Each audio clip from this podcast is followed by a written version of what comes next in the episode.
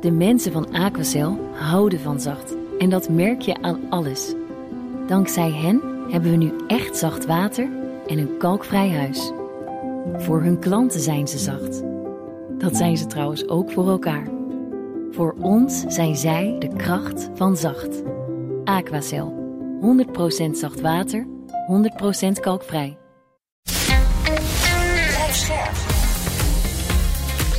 BNR Nieuwsradio. Boekenstein en de Wijk. Hugo Reitsma. Als de wereldorde verandert, dan wordt het oorlog. Dat is altijd zo geweest. Nu daagt China de Verenigde Staten uit en Poetin ruikt een kans. En waar eindigt dat dan dit keer? Ja, dat gaan we gewoon uitzoeken. Samen met experts op gebieden als economie, technologie en militair terrein. Wat doet klimaatverandering en werkt de democratie nog wel? Dat zal met jullie wel weer geen opbeurend verhaal worden. Uh, ja, zoals gebruikelijk. En we gaan in gesprek met de zaal. Volgende week alweer is dat, uh, Jan. Ja, Nieuwegein, de Kom, 17 mei, dat is woensdagavond als ik me niet vergis. Ja. Met niemand minder dan Marten Kruijf. Nou ja, dat is een fantastische generaal. Zeker, en die komt ook de 23e in Groningen. En we hebben bijvoorbeeld uh, de zaterdag daarna nog in Breda over demografie, over vergrijzing, bijvoorbeeld in China, maar natuurlijk ook in Europa. Over Afrika is de toekomst wellicht aan Afrika gezien de bevolkingsgroei daar. Dat soort spannende onderwerpen, dat trouwens met oud-CBS-hoofddemograaf Jan Latte. Kijk voor andere thema's, data en kaarten op bnr.nl slash theater. En welkom bij Boekenstein en de Wijk, op zoek naar de nieuwe wereldorde. En dat doen we vandaag in Turkije, want daar staat bij de verkiezingen dit weekend veel op het spel. Daarom hier, oud-ambassadeur in Ankara, Marianne de Kwaasten niet. Dankjewel Hugo. Op de zetel van Rob, want die is er ja. niet. Dus je mag ook zijn zendtijd uh, vullen. Dat is altijd een hoop zendtijd. Dat is een dus uh, grote eer. komt eigenlijk heel goed uit, denk ik, voor jou. Welkom. Marianne, in de oppositiekringen wordt wel gezegd... dit is misschien wel onze laatste kans om de democratie in Turkije te redden. Is dat terecht? Ja, the last exit before it gets worse. Oeh. Wordt er gezegd. Ja, ik denk dat je deze verkiezingen zo kunt uh, typeren. We hebben twintig jaar Erdogan uh, aan de macht gehad. Uh, vanaf 2010 in toenemende mate een autocratisch bestuur voerend. steeds meer vrijheden beperkt. En vanaf 2018 werd die trend ondersteund door het nieuwe presidentiële stelsel wat werd ingevoerd, waardoor er nog meer macht bij hem kwam. Ja, ik denk dat je dit kunt zeggen. En over demogra demografie gesproken in jouw intro. Ja. De demografie zorgt ervoor dat er 5,5 miljoen nieuwe jonge kiezers uh, zijn in deze verkiezingen. Aha, en ja. uh, die gaan een belangrijke factor uh, vormen. Welke kant op? Ik, ik, ga ervan uit ten faveur van de oppositie. Want het zijn met name de jongeren die voelen dat, dat hun vrijheden worden beperkt. Dat ze niet dezelfde dingen kunnen doen die jongeren in West-Europa kunnen doen. Ja. Uh, dat ze minder kunnen reizen, dat ze uh, zich minder kunnen veroorloven in de media, op, op, sociale media, noem maar op. Zij voelen zich echt beknot in hun vrijheid. En hoe staat het met die kans op die last exit before it gets worse? Ik begreep dat het een nek-aan-nek race is tussen Erdogan en zijn uitdager. En ik ga het één keer goed proberen. Kemal Kılıçdaroğlu. Perfect. Heel, heel goed, Geslaagd. Geslaagd voor het examen. Dank je, dank je, ja. Uh, ja, weet je, uh, tien dagen voor de verkiezingen mogen er geen polls meer worden gepubliceerd, maar ze worden wel gemaakt. En ze lekken natuurlijk toch uit. Hm. Uh, en de laatste poll die ik gezien heb, geeft uh, Kılıçdaroğlu en zijn kamp een uh, solide voorsprong van een punt of vijf, zes. Maar ja, polling-instituties zijn in Turkije niet altijd betrouwbaar. In de zin van dat ze vaak gelieerd zijn aan bepaalde groeperingen. Dus je weet dat nooit helemaal zeker. Dus ook een solide voorsprong in de poll moet zich toch echt eerst nog bij de, de stembus uh, bewijzen. Uh, dus in die zin, uh, ja, ik, ik denk ze een hele goede kans maken. Ja. Maar ik trek de champagne nog niet open. Nee, maar Arjan vanochtend al wel bijna hè, toen je binnenkwam. Helemaal enthousiast van het, het zal ja. toch eens gaan gebeuren hè? Dit is bij mij ook een beetje, ik ben een romanticus, het is ook wensdenken. Maar ik zou het zo geweldig vinden. Ik, ik heb een beetje begrepen dat zeg maar algemeen genomen dat 35% van de conservatieve moslims, die blijven natuurlijk heel erg Erdogan trouw. Dan had je 15%, dat waren niet zozeer gelovige moslims, maar die vonden vroeger dat Erdogan ook een verstandige economische politiek voerde. In het begin was er een onstuimige groei. Hè? Nou, nu heeft hij die esoterische economische theorie dat als je de rente verhoogt, dat dat goed, uh, als je de rente voor, uh, niet verhoogt, dan zou dat goed zijn voor de bestrijding van de inflatie. Ja, hè? maar dat wordt toch weersproken door de feiten, die theorie ja, van hem. Dat ja, is toch niet helemaal handig van hem. Ja. En uh, nou ja, weet je, ik, ik, heb, ik heb al allerlei podcasts gevolgd en met mensen gesproken. En er zijn steeds meer mensen die echt heel ontevreden zijn, omdat hun geldontwaarding vreselijk hoog is. Mhm. Mm -hmm. Waar ik een beetje bang voor ben, dat is ook een beetje een vraag voor aan, aan Marianne van. Dit is wel een, uh, een autocraat een beetje. Het is een autoritaire persoonlijkheid. Hij heeft zich heel erg vervreemd. Ook allemaal ministers ontslagen. Allemaal centrale bankpresidenten en zo. Zelfs zijn eigen schoonzoon is eruit gegooid. Hè? Accepteert hij wel een nederlaag? Of krijgen we een, toch een beetje een angstaanjagende situatie? Dat ze een bullying gaan doen. Dan zitten, dan zitten we helemaal ver van huis. Hè? Ja, bullying, dat doen ze al. Hè? Ja. Deze hele campagne is een campagne van, uh, van uh, bullying van de oppositie, van het Westen. Uh, het is echt een campagne die gebaseerd is op uh, schelden en op het cre creëren van angst. Ja. Als jullie niet op ons kiezen, dan gaat het allemaal uh, down the drain.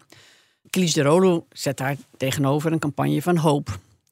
Maar we zullen zien, dit gaat erom spannen. Als de marge heel erg nauw is, dan kan het zijn dat men eerst gaat hertellen.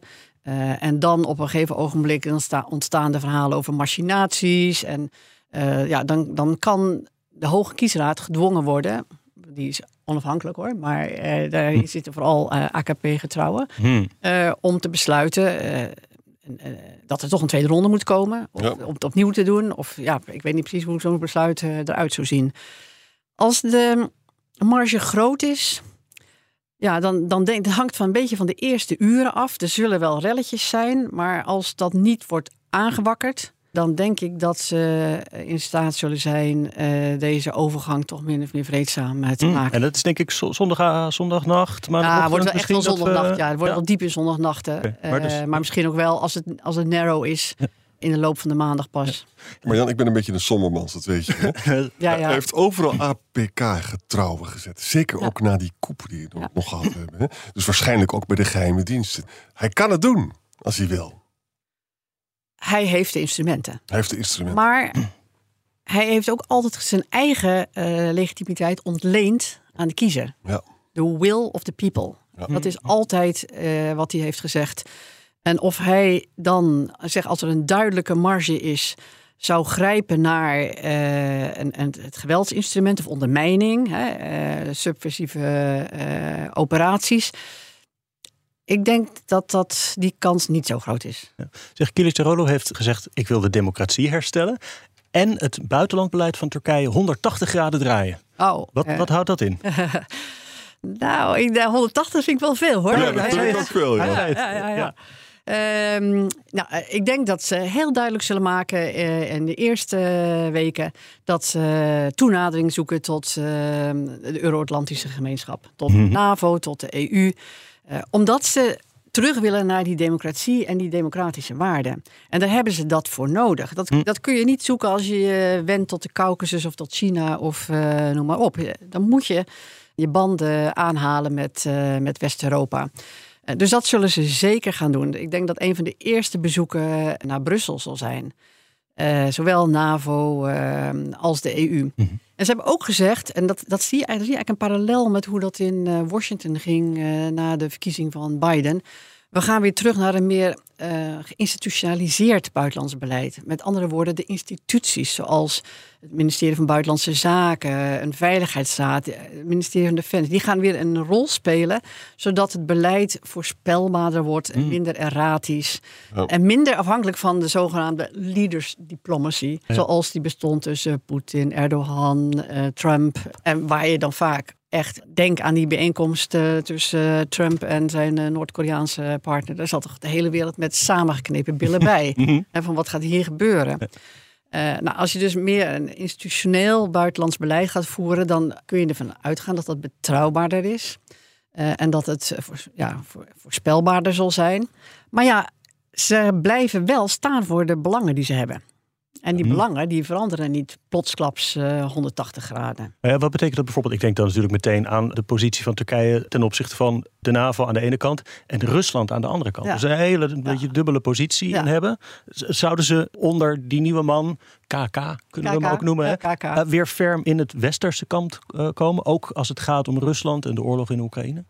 Ze hebben ehm, al laten weten dat ze in ieder geval niet de sancties gaan steunen, de Europese sancties. Hm.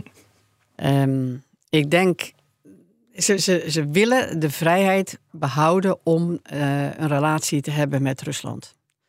Eh, dus ze gaan op dat punt, hebben ze al duidelijk gemaakt, niet mee eh lock, stock en barrel met waar de eh, Westerse alliantie zit.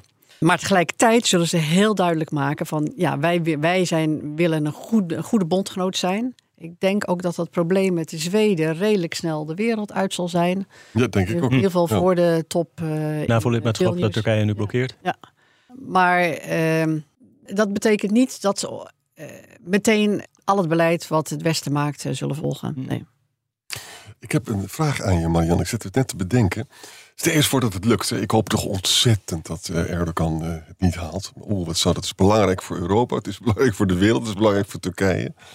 Maar dan, stel je voor dat het lukt. Hè? Dus, dus met die man met die moeilijke naam, Kilic Ja, Karolo. zeggen KK. de KK. KK. Die wordt het. eh, en die zoekt veel meer aansluiting bij de EU en de NAVO. Dan komt natuurlijk onvermijdelijk het hele het EU-lidmaatschap weer naar, naar voren. En nou, daar hebben we een hele lange geschiedenis in Nederland gehad. Ik heb er ontzettend veel mee bezig gehouden.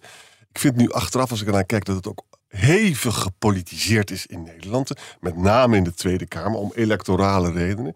En Marjan, ik bedenk me nu ook van alle ambassadeurs die we daar gehad hebben. We hebben hele goede ambassadeurs. Die waren eigenlijk hele genuanceerde mensen. En zeiden van nou, er zijn toch wel hele goede redenen om het eigenlijk wel te doen. Hè? Want je, in, in, in de aanloopfase disciplineer je Turkije. En uiteindelijk hebben we ze beter erin dan dat het een loose cannon ontdek is. Hoe sta je in die discussie?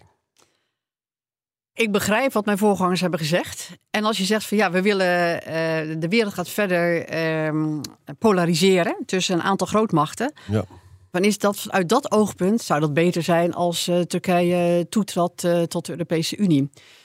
Maar tegelijkertijd moet je je ook realiseren dat eh, de Europese Unie daar helemaal niet klaar voor is. Hmm. Eh, eh, Turkije is het grootste land van de Europese Unie dan. Het is Ja. groter qua Ja. inwoneraantal dan Duitsland.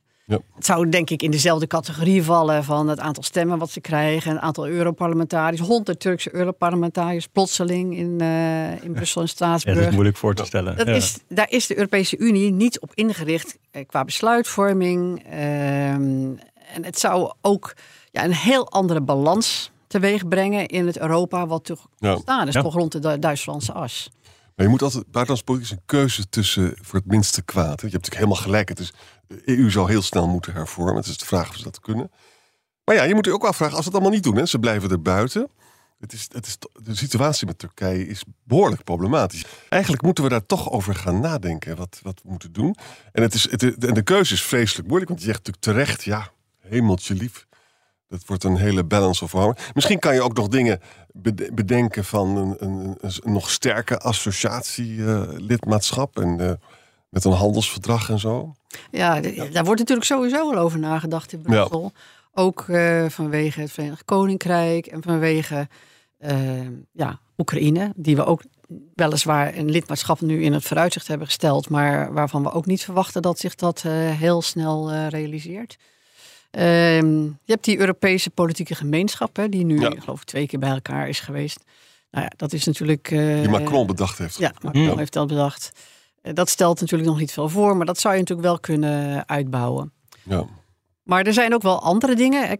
Wat al de hele tijd boven de markt hangt, is ehm, eh, modernisering van de douane-Unie. Ja. Die douane-Unie is natuurlijk eh, heel relevant voor het eh, Europese bedrijfsleven wat in Ja. Turkije zit. En voor het Ja, ja. Tur- Turkse bedrijfsleven. Ja. Die is heel erg bescheiden qua omvang. En er wordt al heel lang over gesproken om die te moderniseren in de zin van eigenlijk eh, de hele dienstensector er binnen te brengen en de landbouwsector. Een goed uh, geschillenbeslechtingssysteem uh, in te voeren. Ik denk dat dat vrij snel uit de startblokken kan komen. En dat is belangrijk. Dat is ook belangrijk. Ja. Dan werken we via de organische weg. Ja. Even tussendoor. BNR Nieuwsradio. Boekenstein en de Wijk. Op zoek naar de nieuwe wereldorde. Dit is Boekenstein en de Wijk. En dat programma is natuurlijk niet zonder Arend-Jan Boekenstein en Rob de Wijk. Nou ja, dat laatste op dit moment wel eventjes. Mijn naam is Hugo Reitsma. en we praten over de spannende en belangrijke verkiezingen zondag in Turkije... met oud-ambassadeur Marianne de Kwaasteniet. Marianne, eventjes terug naar Turkije zelf. Want we hebben de economie al genoemd. De democratie die dan op het spel zou staan. Wat zijn de andere thema's die nou gaan bepalen wie eruit gaat komen? Ik kan me voorstellen dat bijvoorbeeld de aardbeving... hebben we nog niet genoemd in februari. Verschrikkelijke aardbeving. Dat dat Ja. nog een rol kan spelen? Vreemd genoeg, en het klinkt een beetje cru, maar de aardbeving is secundair geworden in deze verkiezingen. Ehm, ze hebben het probleem met ja, de, waar die mensen moeten kiezen opgelost. Nou, die oplossing betekent dat er denk ik heel veel mensen niet gaan kiezen die uit het aardbevingsgebied mm. komen en daaruit weggetrokken zijn voorlopig. Ehm, maar als thema eh, speelt het eigenlijk niet heel erg een rol meer. De economie speelt een veel grotere rol. Hm. En ook de, wat ik zeg, de, de, de ondermijning van de, democra de democratische waarden, de vrijheden. Dat zijn de thema's waarover eh, KK spreekt. Mhm. Eh, en eh, er wordt niet te veel meer geroerd in het hele verhaal over die bouwfraudes en zo. En Hm. dus die, die schuldvraag van hoe komt het nou dat er zoveel mensen zijn omgekomen. Dat er zoveel bij huizen die- zijn ingestort. Zoveel huizen zijn Die ingestort. kennelijk niet goed gebouwd waren. Dat, ja. eh, die is eigenlijk een beetje op het achtergrond. van- Ja, het is, het is eh, cru, hè? want er zijn daar formeel 50.000 mensen overleden. Maar veel mensen zeggen dat het er echt aanzienlijk meer zijn. Ik begreep van een, van een Turkse vriend, dat wist ik eigenlijk helemaal niet, dat de staatstv is natuurlijk in handen. Hè, van, dus die heeft allemaal, dat het geweldig is opgelost, daar weet ik allemaal een beetje. en Oh, ja, oudere ja. mensen kijken daar ook naar, laten zich daar ook door beïnvloeden. Dat is geloof ik het eerste argument. Tweede is, de, de aardbevingen zijn met name de bolwerken van de AKP, weet je, dat is ook een beetje een probleem. En er was nog een derde reden. Oh ja, Erdogan heeft, gewoon- heeft, gezegd van, nou weet je wat, eh, binnen een jaar staat je Ja. huis weer overeind. Ja, En, en mensen geloven die belofte. ja. Nou ja, weet je, de bouwsector is altijd eh, de steunpilaar geweest van het AKP-regime en van eh, Erdogan. Ja. Dus opnieuw kan die ingezet worden om de opbrengst te oogsten van eh, een dergelijke actie. Ja, er wordt overal al flink gebouwd, er worden terreinen bouwrijp gemaakt. Dat zie je dag in dag uit. eh, Er worden winsten gemaakt, jongen. Oeh. Ja. Trouwens, het hele Midden-Oosten, overal waar gebouwd wordt, zijn het Turkse contractors. hè? Ja, en Afrika ook. Ja. Ja. En eh, in Oekraïne. Ja. Ik denk ook dat ze eh, met belangstelling kijken naar de, de wederopbouw van eh, Oekraïne. Ja, ja, ja, ja. Maar als je het dus zo hebt over, over die, die conservatieve regio, vooral in het oosten natuurlijk. We hebben het dan over Turkije als een beetje een brug tussen oost en west. Maar ja, dat ze toch gewoon, gewoon heel erg gespleten zijn tussen een eh, liberale elite in de grote steden. En een achterland dat eigenlijk heel gelovig en conservatief is. Ja, ik denk, het is natuurlijk wel iets genuanceerder. Hè? Dat, eh, de- er zijn door de migratiebewegingen naar de grote steden toe... ook in de grote steden hele conservatieve eh, wijken. En eh, je hebt in het Zuidoosten natuurlijk ook eh, de Koerdische regio... die voor een deel heel conservatief en vroom is... Ja. Maar voor een deel natuurlijk ook eh, op grond van eh, de discriminatie die ze ondervinden. En het hele Koerdische probleem eh, niet geneigd zijn voor de AKP te stemmen. Dus het, het is wel, wel genuanceerder dan we hebben de steden en we hebben het platteland. Ja. Zoals het ook in Nederland anders was. Hè? Ja, ja, ja. Ja. En wat ik zo interessant vind. Kijk, Erdogan is een staatsvechter. Hè, en hij zegt ook de meest zegt vreselijke dingen. Het is een heel gepolariseerd klimaat. Ik schrik er altijd van als ik het hoor. Ja. Weet je, hoe, die leider van de CHP met die moeilijke naam, Kilic Carolo. Hoe, wat, hoe noemt hij hem? Hij noemt hem zuiplap. Nou, een gelovige moslim. Ik, ik praat ook wel eens met gelovigen. Als, ze vinden echt drank vinden ze echt een heel groot probleem. Ja. Dus dat, is, dat werkt dus echt. Hè? Dat is een wapen. Dat is gewoon en ik, weet- ik weet nog in de tijd dat de CHP dus aan, aan de macht was. Hè? Kwam je bij het ministerie van Buitenlandse Zaken. Dan was het ook zo. Er lagen overal drankflessen. Ah, nu niet meer hoor. Nu niet Altijd meer. netjes een kopje thee. Ja, die zit netjes een kopje thee. Dat is gewoon, het land is gespleten. Ja, ja. Ja, Atatürk heeft natuurlijk geprobeerd om daar een Frans, Franse grondwet en een verlichting daar te brengen. In een, in een bijna door 99% eh, eh, moslims eh, land. Het is heel interessant wat daar gebeurd is. En weet je wat ik eigenlijk hoop is dit? Erdogan heeft dus geprobeerd om de islam te emanciperen. Dat ze niet meer gediscrimineerd worden, dat je hoofddoekjes mag dragen. En dat die, ook zeg maar die middenklasse en ook die ondernemers eindelijk eens geld konden verdienen. Maar vervolgens had hij dus ook allemaal islamitische grappenmakerij, om het zo maar eens te zeggen. Hè? En nu, als het nu zou lukken om hem af te zetten en de CAP gaat zich gedragen, want die heeft in het verleden was natuurlijk ook heel corrupt. En zo. Ja. Dat moeten we ook allemaal zeggen. We hebben generaalkoeps gehad. Het zou zo mooi zijn als Turkije wat verder zou komen. Hè? Ja, absoluut. En de- de- iedereen hoopt dat ook. De, Ja. alle mensen die ik eh, daar ken en de hele niet, de, niet AKP-wereld is oprecht in de wens om een andere koers in te zetten. Misschien onderschatten ze hoe moeilijk dat zal zijn. Kijk, eh, als ik met eh, de, de oppositiecoalitie praat en zegt van ja, hoe gaan jullie dat doen met eh, de rechtspraak? Dan zeggen ze, we gaan dat binnen twee jaar eh, weer eh, helen en ervoor zorgen dat die onafhankelijk is. Hm. Ja, dan denk ik van dat is wel een erg optimistische inschatting. Want het gaat niet alleen over het weer ehm, eh, de, de instituties weer hun plek geven en misschien wat gebalanceerder samenstellen. Maar het gaat ook om een mentaliteit. Ja. Hè? Als je gewoon jarenlang altijd geluisterd hebt naar stemmen over je schouder, terwijl je moest rechtspreken, Hm. dan is het eh, een hele overgang om te bedenken dat je gewoon moet doen wat je zou doen op grond van het recht en, en Ja, eh, jurisprudentie, noem maar op. Ja. En dat daar ook geen consequenties aan vastzitten, nog in positieve, nog in negatieve zin. Exact, Hè? ja. Dat het gaat niet over jouw Oh. carrière. Nee, het gaat erom dat jij je professie goed En uitoefent. ook de autoritaire verleiding. Hugo, moet toch heerlijk zijn voor Mark Rutte als hij gewoon allerlei staatszenders heeft. Weet je. en dat je af en toe ook een de Hugo Reisma gaat gewoon even de bak in, want die zegt weer nare dingen over Ja. de VVD. Of. Toch geweldig. Maakt het leven wel een stuk makkelijker. Berlusconi Ja. deed het. En Erdogan, Dat is wel geweldig. En, en, en bo- bovendien praten ze dat ook allemaal goed. Hè? Want ja, wij zijn natuurlijk de redders van dit land. Hè? Dus het dan- zijn allemaal terroristen. ja, ja, Ja, het zijn- ja, ja. Ja. Als, je, als je die vergelijking maakt met andere autocraten, zou dit model van dus een verzamelde oppositie die zo'n autocraat eruit werkt, ook misschien in andere landen kunnen werken? Want we, er zijn nog wel een paar kandidaten die je zou willen wippen als eh, democraat in bijvoorbeeld Hongarije, Rusland, ik noem maar wat. Nou ja, kijk, ehm, de oppositie in Turkije was altijd hopeloos verdeeld. Dat was natuurlijk heel jammer en dat maakte het Erdogan heel makkelijk. Gelukkig is dat nu anders. Even kijken, als je een parallel wil maken. eh, mijn, mijn, mijn hoop is gevestigd op Polen. Polen is altijd- is 50-50, dus daar kan wat gebeuren. Daar speelt overigens ook stad, platteland ook heel sterk. Hè? Eh, Orbán heeft zoveel dingen dus institutioneel ook veranderd. Ook, electoraal, dat daar heel veel moet gebeuren. Maar een heleboel dingen die Orbán gedaan heeft zijn zo corrupt. Dat er natuurlijk ontzettend veel woede ook bij de mensen zit. Maar Polen is denk ik de eerste kandidaat waarbij het zou kunnen zijn dat zeg maar dat oude Tusk, hè, weet je nog die Tusk die wij kennen van, de, van de Raad, was ook een geweldige man. Die hebben ze toch dwars gezeten in Polen. Zeg, met allemaal leugens hè, over die Smolenske vliegtuig. Weet je, wat, dat is, dat is gedaald. En, eh, ik hoop heel erg dat Polen terugkomt. Want wat stond er gisteren in de krant, jongens? Dat Polen in 2030 rijker is dan Engeland. Wat? Wat, wat een succes. 2030. Ja, wat een succes van de Europese Unie. Weet je nog hoe wij allemaal zaten? Ja. Ja. Polen, die komen nou mijn keuken doen en zo. Dat vonden mensen dan fijn, dat was goedkoop. Maar dat zou allemaal misgaan. Polen is een rijk land geworden. En, en Engeland heeft, heeft op een geweldige manier zijn, zijn eigen glazen ingegooid met Brexit. Ja. En dan zien we dus dat dat groter land Polen krijgt dus een groter eh, BNP dan de, de Britten. Nou ja, Dat is toch Ja. leuk, hè? Ja, bijzonder. Volgens Ja. mij ook de grootste krijgsmacht eh, van Europa tegen die Ja. tijd zouden ze wel kunnen. Ja. Ja. Misschien nog eventjes, eh, want we eindigen, Marianne, zoals je weet in dit programma altijd somber. Ehm, wat als die last exit nou niet wordt genomen en Erdogan wint dit weekend? Wat gaat er dan gebeuren? Ja, ik vrees meer van hetzelfde. En dat zal echt ehm, het Westen voor een uitdaging stellen. Eh, want hoe ga je daar dan mee om?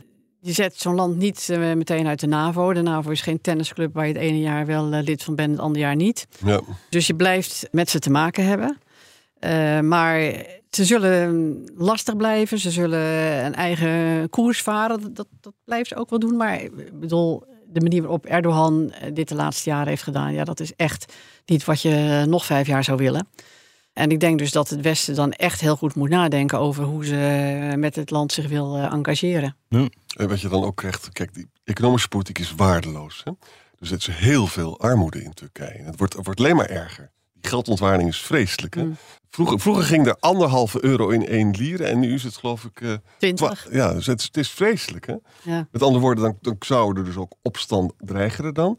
En dus gaat hij dan nog meer richting van een eh, surveillance-economie. Ja. De Chinezen kunnen dan nog goede zaken doen met, Ja. met cameraatjes en zo. Ja. Jakkes. Ja. Op de radio ronden we af, maar in de podcast gaan we langer door met luisteraarsvragen. Luistert u op de radio, dan verwijs ik naar boekensteinendewijk.nl of uw favoriete podcast-app. Uh, Sjoerd van Vilsteren vraagt: Klopt het dat Turkije, net als Europa, klem zit tussen de economische voordelen van China en de militaire voordelen van de NAVO? En hoe reageert Turkije als een van de grootste NAVO-legers als er een conflict om Taiwan uitbreekt? Nou, Marianne, jij bent ook Ja. oud-permanent vertegenwoordiger ja, bij de ja, NAVO. ja, nou ja. Eh, Maar ik, ik denk, kijk, China heeft niet zoveel invloed in ehm, Turkije. Dat is tot nu toe nog eh, vrij beperkt geweest. Zijn, de Chinezen zijn daar niet heel succesvol eh, in geweest. Dus ik denk dat de vraag eerder aan de orde is van hoe gaat een nieuwe regering die balans tussen Rusland en de NAVO neerzetten. En zoals ik al zei, ik denk dat ze zullen proberen een trouwe bondgenoot eh, te zijn van de NAVO. eh, constructief, eh, minder de lastige bondgenoot uithangend. Beter bereid om naar het belang van het geheel te kijken. Mhm. In plaats van alleen naar hun eigen belang. Want eigen belang zal er blijven, maar collectief zal ook een rol spelen. Maar zoals eerder gezegd, ze blijven ook een open lijn houden met de Russen. Want ja, ze hebben nog steeds wel een energieafhankelijkheid van Rusland. Ja. Eh, gas en ook nucleair. En ze hebben natuurlijk in deze hele moeilijke economische periode eigenlijk veel baat gehad bij het conflict. Want de, de Ja. export naar Rusland is met 50% Ja, ja, ja, gestegen. Ja. dat is echt enorm geweest. En diplomatiek ze hebben ze aan gewicht gewonnen, want Erdogan speelt een beetje als bemiddelaar, hè? Ja, ja, ja, ja, als je het gelooft. als je het gelooft. Als je het gelooft, ja. Ik denk dat dat eh, gewicht eh, niet zo, eh, dat, dat die rol niet zo heel groot is. Nee.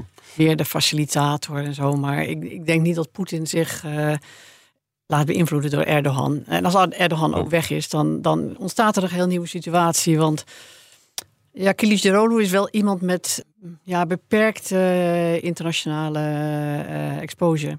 Oké. Eh, kijk, Erdogan en Poetin hebben natuurlijk twintig jaar met elkaar geleefd. mhm, Ja. mhm. Hè, Ze zijn min of meer gelijk aan de macht gekomen. Ja. En eh, die kennen elkaar dus heel goed, hebben elkaar talloze keren eh, ontmoet. Uh, Kılıçdaroğlu is echt een nationaal politicus. Ja. Eh, en heeft dus sowieso niet die band meer met, eh, met Poetin die eh, Erdogan had. Dus dat zal wel, dat zal wel veranderen. Hoe, hoe zal Turkije dan trouwens balanceren tussen het Westen en natuurlijk het Midden-Oosten? Want we hebben Syrië nog niet eens genoemd. Volgens mij hebben de Turken daar nog steeds militairen zitten. En er zitten natuurlijk nog miljoenen Syrische vluchtelingen Ja. in Turkije. Ja, ja dat is eh, echt iets eh, waar we naar moeten gaan kijken. Want er is daar natuurlijk een heleboel aan de hand. Hè. Eh, Assad is bezig eh, terug te keren Ja. in het internationale circuit. Is Ja. teruggekeerd in de Arabische Liga. En de oppositie, hè, KK en consorten, die hebben van het begin af aan gezegd van... we hadden hier nooit in moeten roeren. We hadden eh, het devies van Atatürk van eh, meng je niet eh, in externe aangelegenheden moeten volgen. Eh, we hadden ons hier niet mee moeten bemoeien. En als wij aan de macht komen, dan gaan we het goed maken met eh, Assad. En dan zorgen we ervoor dat de vluchtelingen uit Turkije kunnen terugkeren Hmm. naar Syrië. En dat dat binnen twee jaar dan gaat gebeuren. En dat verhaal, dat heeft zoveel druk gezet op Erdogan, dat die ook een, nou ja, na de zomer, vorige zomer denk ik, begonnen is met een toenaderingsproces met Assad. Want die, die zag dat Kılıçdaroğlu anders met dat verhaal eh, Aan de haal ging. aan de haal ging. Ja. En toen hebben ze een aantal stappen gezet. Hè. Eerst hebben de veiligheidsdirecteuren met elkaar gesproken. Vervolgens ministers van Defensie, van hè, Rusland, Iran, Syrië en, en Turkije. En uitmondend in eh, dus een bijeenkomst afgelopen week van de ministers van Buitenlandse Zaken in Moskou. Zonder overigens tot enig resultaat te komen. Want Assad zal wel gek zijn als hij Erdogan een cadeautje geeft. Ja, Ja. dat is natuurlijk duidelijk. Ja.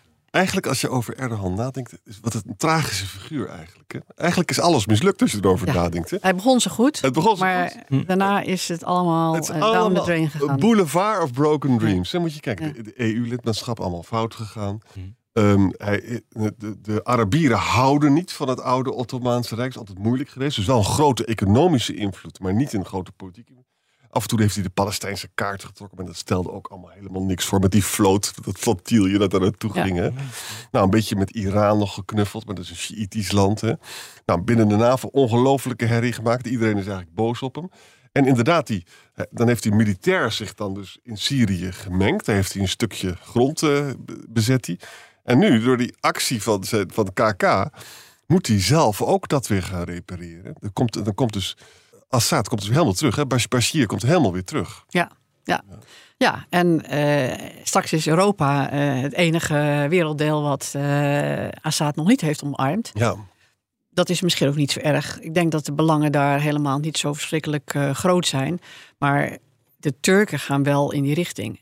In de hoop dus dat een deel van die migranten teruggaat, wat nog to be seen is. Ja. Want die hebben eigenlijk geen toekomst in dat land. Mm, mm. Het gekke is, het is een groot land hè, met een grote krijgsmacht. En niks lukt. En dat, dat verklaart soms ook wel eens. Ik, ik vind ze dus ook. Ik vind het de hele politieke eh, cultuur en klimaat ook in Turkije ongelooflijk gepolariseerd. Heel erg. Ja. Ja. En het is zelfs zo ver, Hugo, dat als, als iemand een, een, een linkse politieke partij heeft, dan kun je ook gewoon rechtse argumenten gebruiken tegen, tegen de andere kant. Omdat je gewoon alle argumenten gebruikt om de andere zwarte. En wat ik ook toen ik daar college gaf, in, de, de studenten zijn links, zegt daar. Heb, is dat jouw ervaring ook? Ongelooflijk anti-Amerikaans.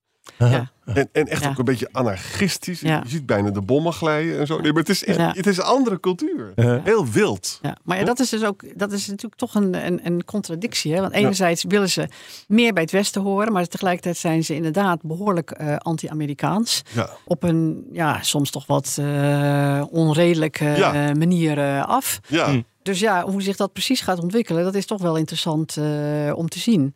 Eh, En mijn Turkse collega's, die Nederlandse universiteiten, die zijn echt heel voorzichtig, ook in hun uit. ja, alles kan direct exploderen. Ja. Ja, ja, ja. Ja. Als, als je een uit, zelf een uitspraak doet. eh, Mijn eh, dochter voor de klas, eh, een aantal jaren geleden, stelde gewoon vragen over Erdogan. Dan krijgen ze boze ouders. Hè? Kregen ze dan Ja, ja, ja. aan de schooldeur om Ja, ja, eh, ja.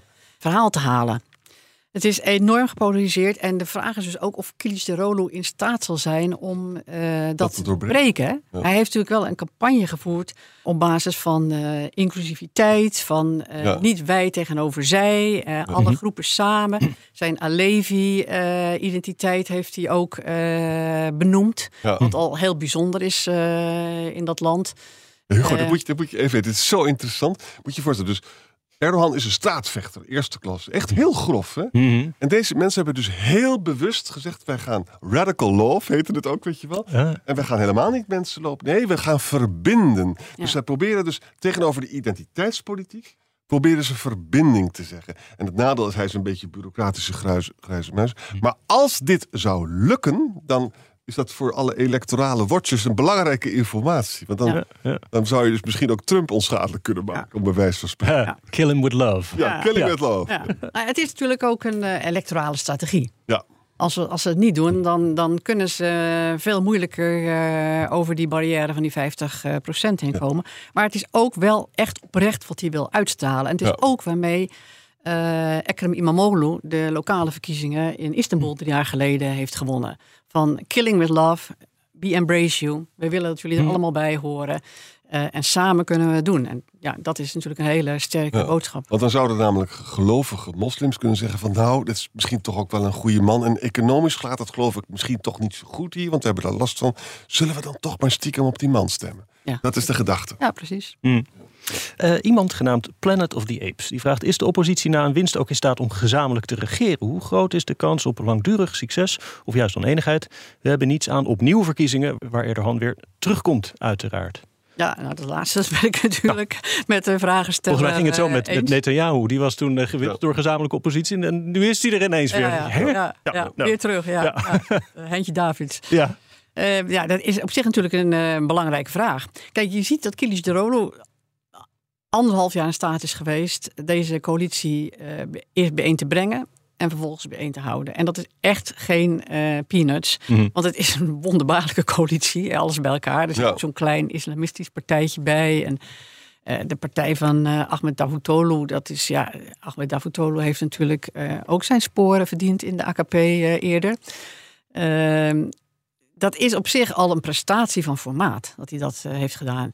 En er zijn natuurlijk ook al wel afspraken gemaakt over wie welke rollen gaat spelen in een eh, regering onder Kılıçdaroğlu. Ehm Dat het uh, gemakkelijk zal zijn, dat denk ik niet. Maar wil ik zeggen, over de economie en zo zijn ze het allemaal behoorlijk eens.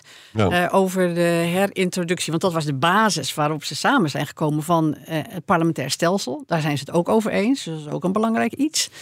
Um, ja, waar je voor kunt, waarvan je je kunt afvragen of, dat, of men het daarover eens is, is bijvoorbeeld het feit dat uh, Kilis de Rolo heeft gezegd van de dag nadat we gewonnen hebben, uh, gaan we weer in de Istanbul-conventie. dat is die conventie uh. ja, van de Raad van Europa over geweld tegen vrouwen. Oh, waar ze twee jaar geleden met veel bombardie uh, uit zijn gestapt. Of dat islamistische partijtje dat ook een goed idee vindt, hmm. dat weet ik niet. Hmm. Maar dan zullen er wel trade-offs worden gemaakt, neem ik aan. om dat soort dingen toch, dat soort beloftes, toch gestand te doen. Ja, ik hoop dat uh, Babichan minister wordt weer. Wie is dat ook hoor? Babichan is een hele redelijke, in het Westen opgeleide man. Ik vind hem buitengewoon vriendelijk. Maar hij, je vindt hem niet zo uh, charismatisch. Hè? Dat is misschien... Nee, nee, nee. Hij het is een goede econoom. Ja. En hij heeft natuurlijk zijn sporen verdiend aan het begin van uh, tijdperk Erdogan. Ook toen, uh, toen was de economie nou nog in een nog slechtere staat ja. dan die nu is. Toen hebben ze ook het IMF binnengehaald om ja. de boel weer op poten te zetten. Daar heeft Babajan een grote rol in gespeeld. Ja. En hij is ook vol vertrouwen dat dat nu ook weer goed gaat komen. Dus het kan, ik kan me heel goed voorstellen dat hij zo'n rol gaat pakken, ja. Minister van Financiën misschien wel. Ja, why not? Hm. Ja. Um, deze kunnen we nog, ja, ik weet niet of hier een antwoord op te geven is, maar ene zondag die vraagt: hoe kijkt Erdogan of misschien Turkije aan tegen NAVO-lidmaatschap van Oekraïne? Ja, dat is moeilijk. Ik geloof niet dat ze zich daarover uh, uitgelaten hebben. En ik ben, weet je, je hebt een beetje overtuigd, Marianne, dat het gaat, er zit toch, toch veel continuïteit in. Hè? Bijvoorbeeld sancties gaan ze niet steunen, omdat ze die relatie. Ze moeten zich. Weet je, je kan het een beetje met India vergelijken. India, ik spreek veel met mijn Indische studenten. Hè? Ja, luister, wij moeten olie hebben. En je, hmm. je wil allemaal sancties doen, eh, meneer is leuk en aardig. Maar we hebben ook onze belangen. En we groeien erg hard. En we hebben ongelooflijk veel olie hebben we nodig. Hè?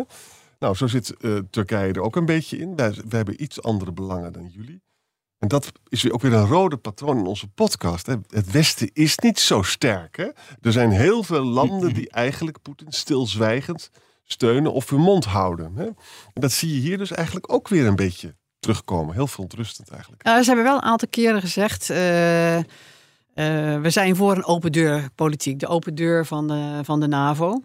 Wat zou betekenen dat uh, nieuwe leden zouden kunnen toetreden. Maar ik denk eigenlijk dat ze daar niet zo'n prominent profiel zullen trekken. Dat ze nee. toch meer aan de Amerikanen en de Duitsers en de Fransen uh, overlaten. En die zijn het natuurlijk nog lang niet over eens. Die zeggen er ook heel weinig over. En uh, ik zou het zelf een hele goede. Weet je, als komt de staakt het vuren straks, dan zullen we toch ook Oekraïne een veiligheidsgarantie moeten geven. En dan ben ik dus bang dat Biden en Duitsland en Frankrijk zullen niet verder gaan dan een soort uh, wapenleveranties.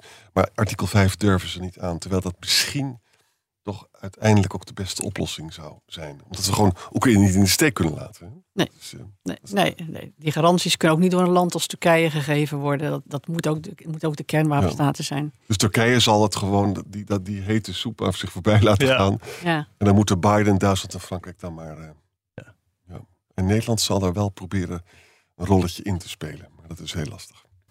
Zondagnacht dus. Spannend. De ja. last exit voor Turkije. Dit was weer Boekenstein en de Wijk. Namens Arjan Boekenstein en Rob de Wijk zeg ik dank voor het luisteren. Speciale dank aan Marianne de Kwaasteniet. Graag gedaan. En fijn weekend.